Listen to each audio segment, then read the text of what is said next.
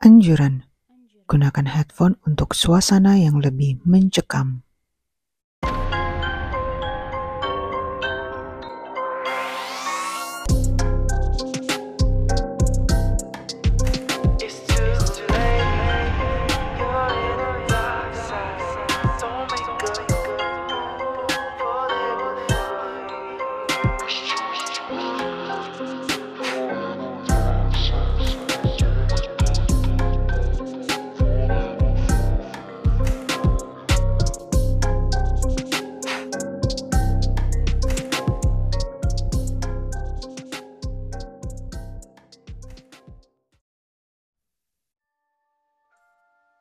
Suatu pagi, beberapa pemuda berkumpul dan bersepakat bahwa untuk menyambut purnama malam, mereka akan berburu landak di hutan yang dikenal keramat oleh warga setempat.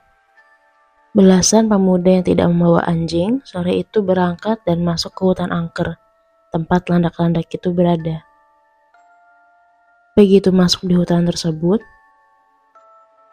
mereka langsung disambut dengan hawa dingin yang tidak biasa seperti mencium tengkuk.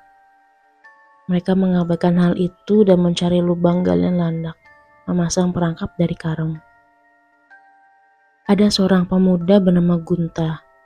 Setelah memasang perangkap, ia lantas membersihkan daerah sekitar, membentangkan kain, lalu berbaring sambil menunggu orang-orang yang membawa anjing untuk berburu landak. Bulan mulai tampak di timur. Di kejauhan, Gunta mendengar suara orang-orang menyoraki anjing agar mulai mencari dan mengejar landak-landak berkeliaran.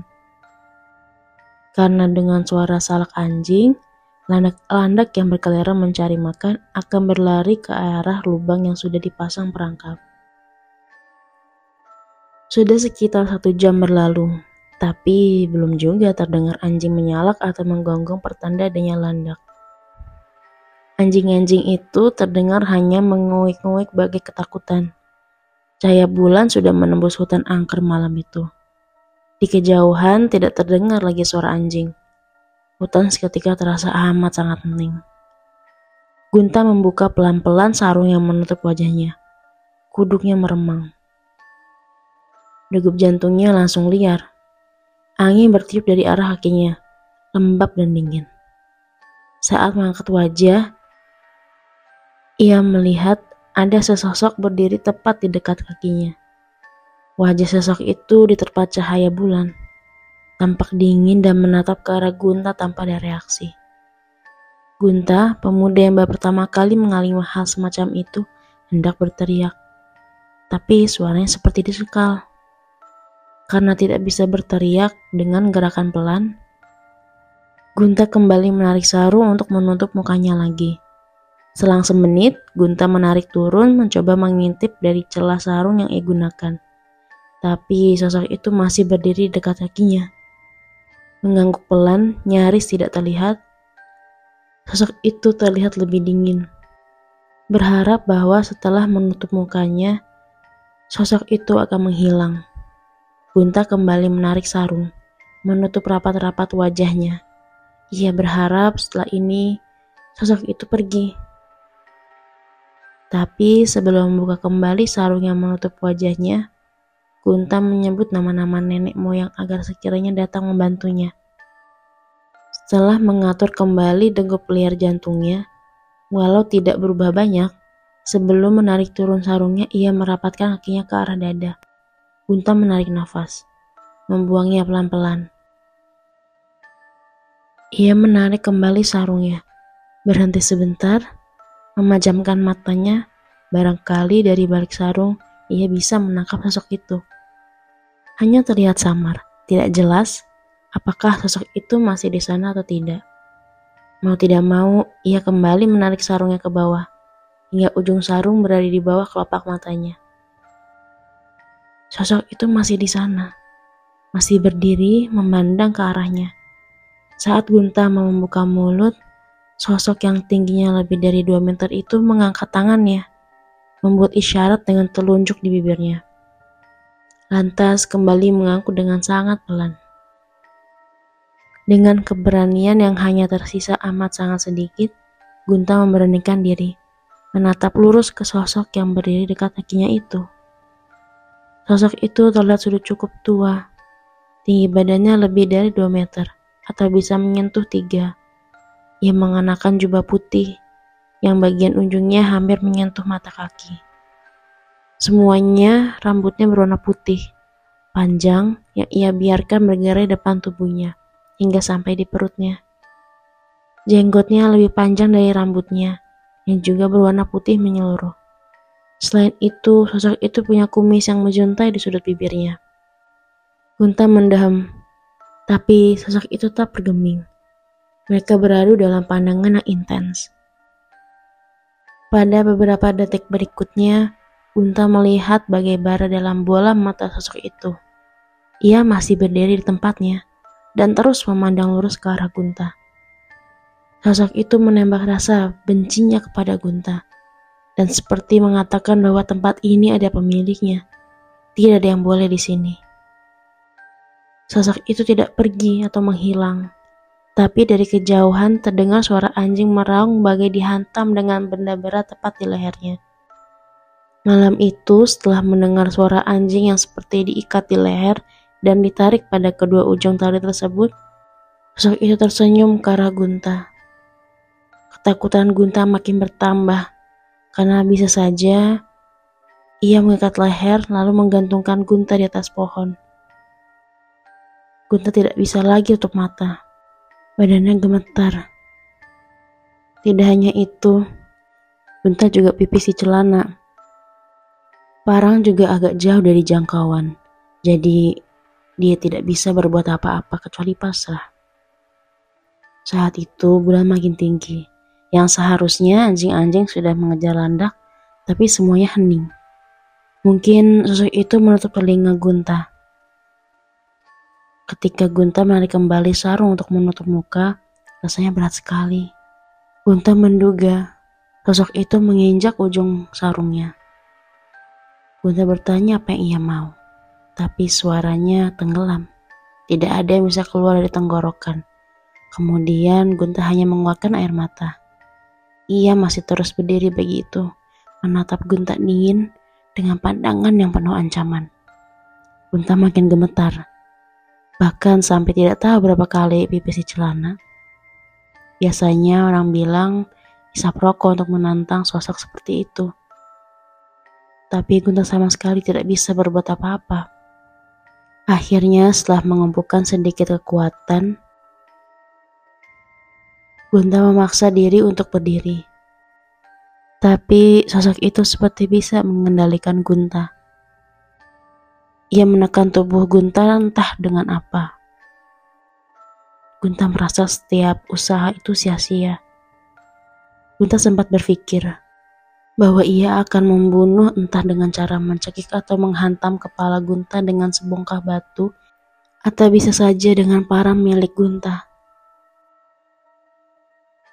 Sosok itu bergerak, atau lebih tepatnya bergeser ke samping kiri, dekat kepala, kembali menembakkan pandangan dingin. Begitu sosok itu mendekat dan berdiri tepat di samping kiri, ia meniup ke arah Gunta. Nafasnya terasa berat dan serak. Sesaat kemudian, segala yang ada di dalam hutan angker itu bagi tertahan.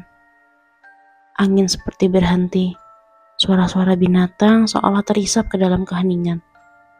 Bias bulan yang menerpa sosok berjubah itu berubah merah jambu. Angin basah kembali merayapi tangkup kunta. Terdengar seperti ada yang berbisik-bisik dekat telinganya, tapi amat samar. Kunta menajamkan pendengarannya dan ia menduga bahwa tidak hanya ada dua orang. Tak berselang lama, lelaki berjubah itu membuat gerakan menekan, tapi tangannya tidak sampai menyentuh leher Gunta. Gunta merasa kesesakan menafas dan membuat ia berontak. Semakin ia bergerak, cengkeraman di lehernya terasa semakin kuat.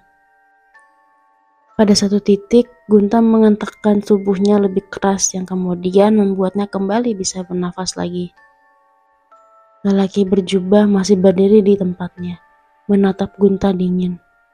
Sosok itu kembali mengangguk dan sekali lagi mengembuskan nafasnya. Di mata Gunta, pohon-pohon mulai terlihat berputar-putar, membesar lalu mengecil, menjauh kemudian mendekat.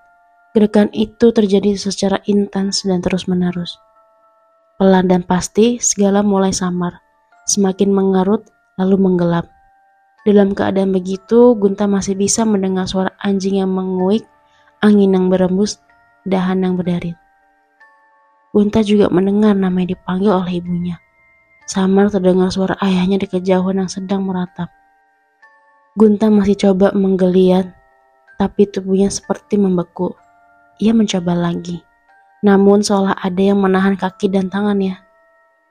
Sesaat sebelum ia kehilangan pendengaran dan kesadarannya lenyap, ia mendengar namanya berulang disebut. Gunta! Gunta!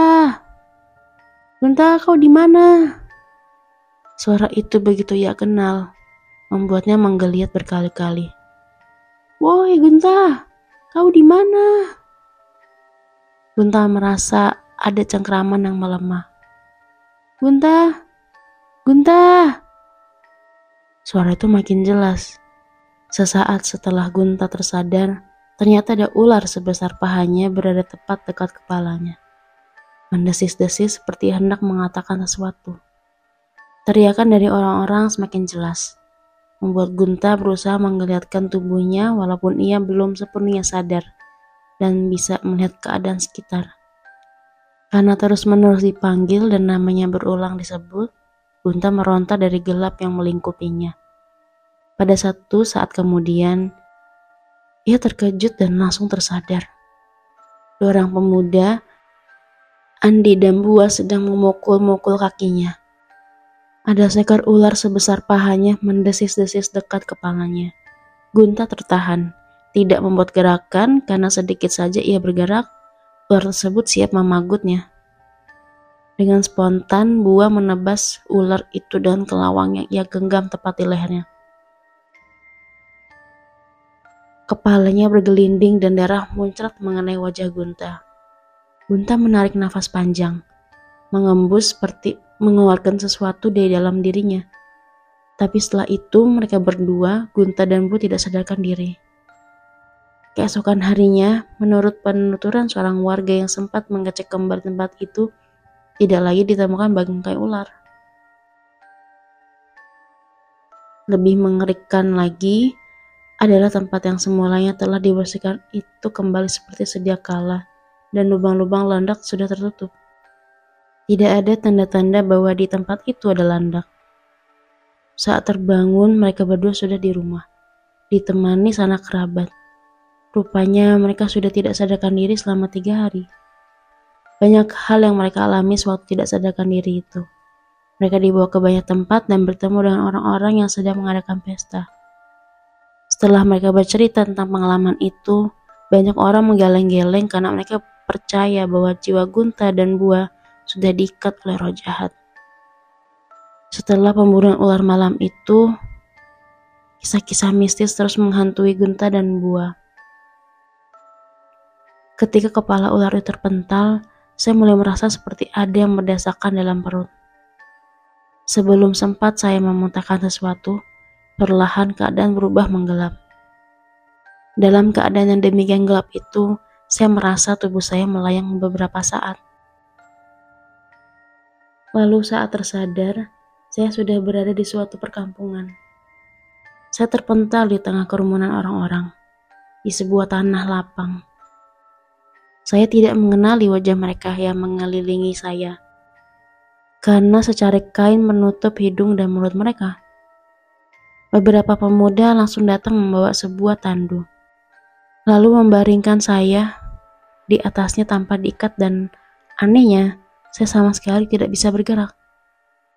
Beberapa perempuan tua datang dan bersimpuh dekat tandu. Lantas mulai meratapi saya dengan suara yang teramat sendu. Sementara itu, orang-orang yang mengelilingi saya itu melantunkan mantra-mantra kematian yang mengisahkan perjalanan hidup saya dari kecil hingga sekarang.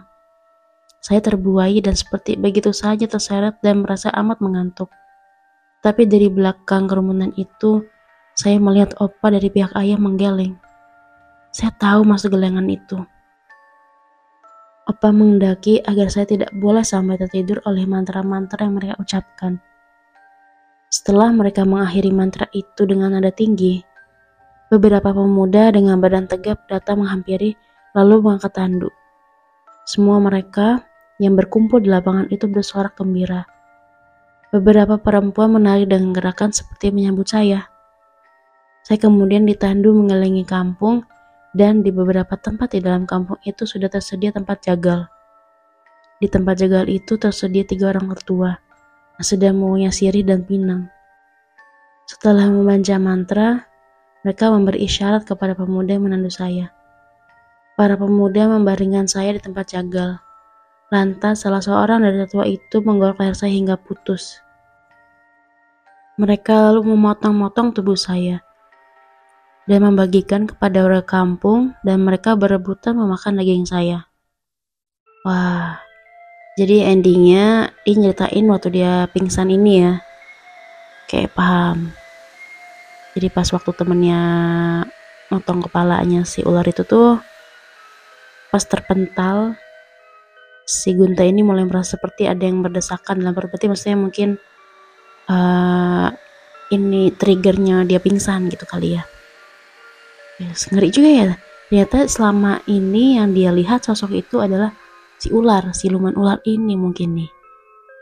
Jadi ular ini tuh selim, siluman sorry. Ular tuh siluman tapi waktu dia belum sadar dia masih dalam uh, ketakutan dia melihat tuh sesosok uh, orang berjubah gitu ya. Oh ngeri juga. Lagi aneh-aneh aja ya. Udah tahu itu hutannya hutan apa tadi katanya nih? Hutan keramat. Orang mah di mana-mana ya kalau dengan kata keramat gak akan dideketin gak sih? Kecuali kalau emang dia udah ada punya izin ada ritual tertentu untuk minta izin biar boleh dibolehin masuk. Itu mungkin oke okay ya cuman uh, butuh uh, bukan waktu ya. Ritualnya mungkin panjang dan terlalu lama. Aneh-aneh aja malam-malam gitu ya kegiatannya tuh aneh-aneh. Ngapain sih harus itu hutan-hutan keramat? Lagi juga ngapain sih nyari-nyari landak malam-malam? Kalau tradisi ya syariah cuman mungkin jangan hutan keramat juga gak sih? Atau ya sebelum kalian datang ke tempat sesuatu itu nanya-nanya dulu gak sih? Dari ritualnya enggak kah? Izin dulu gitu at least. Ah ya guys udah cerita ini yang bisa kita ambil mending lo jangan mendekati tempat yang keramat atau kalau emang terpaksa banget lo harus masuk ke tempat itu alangkah baiknya lo minta izin, minta restu, minta halal buat boleh masuk. Cukup sampai di sini. Selamat merinding.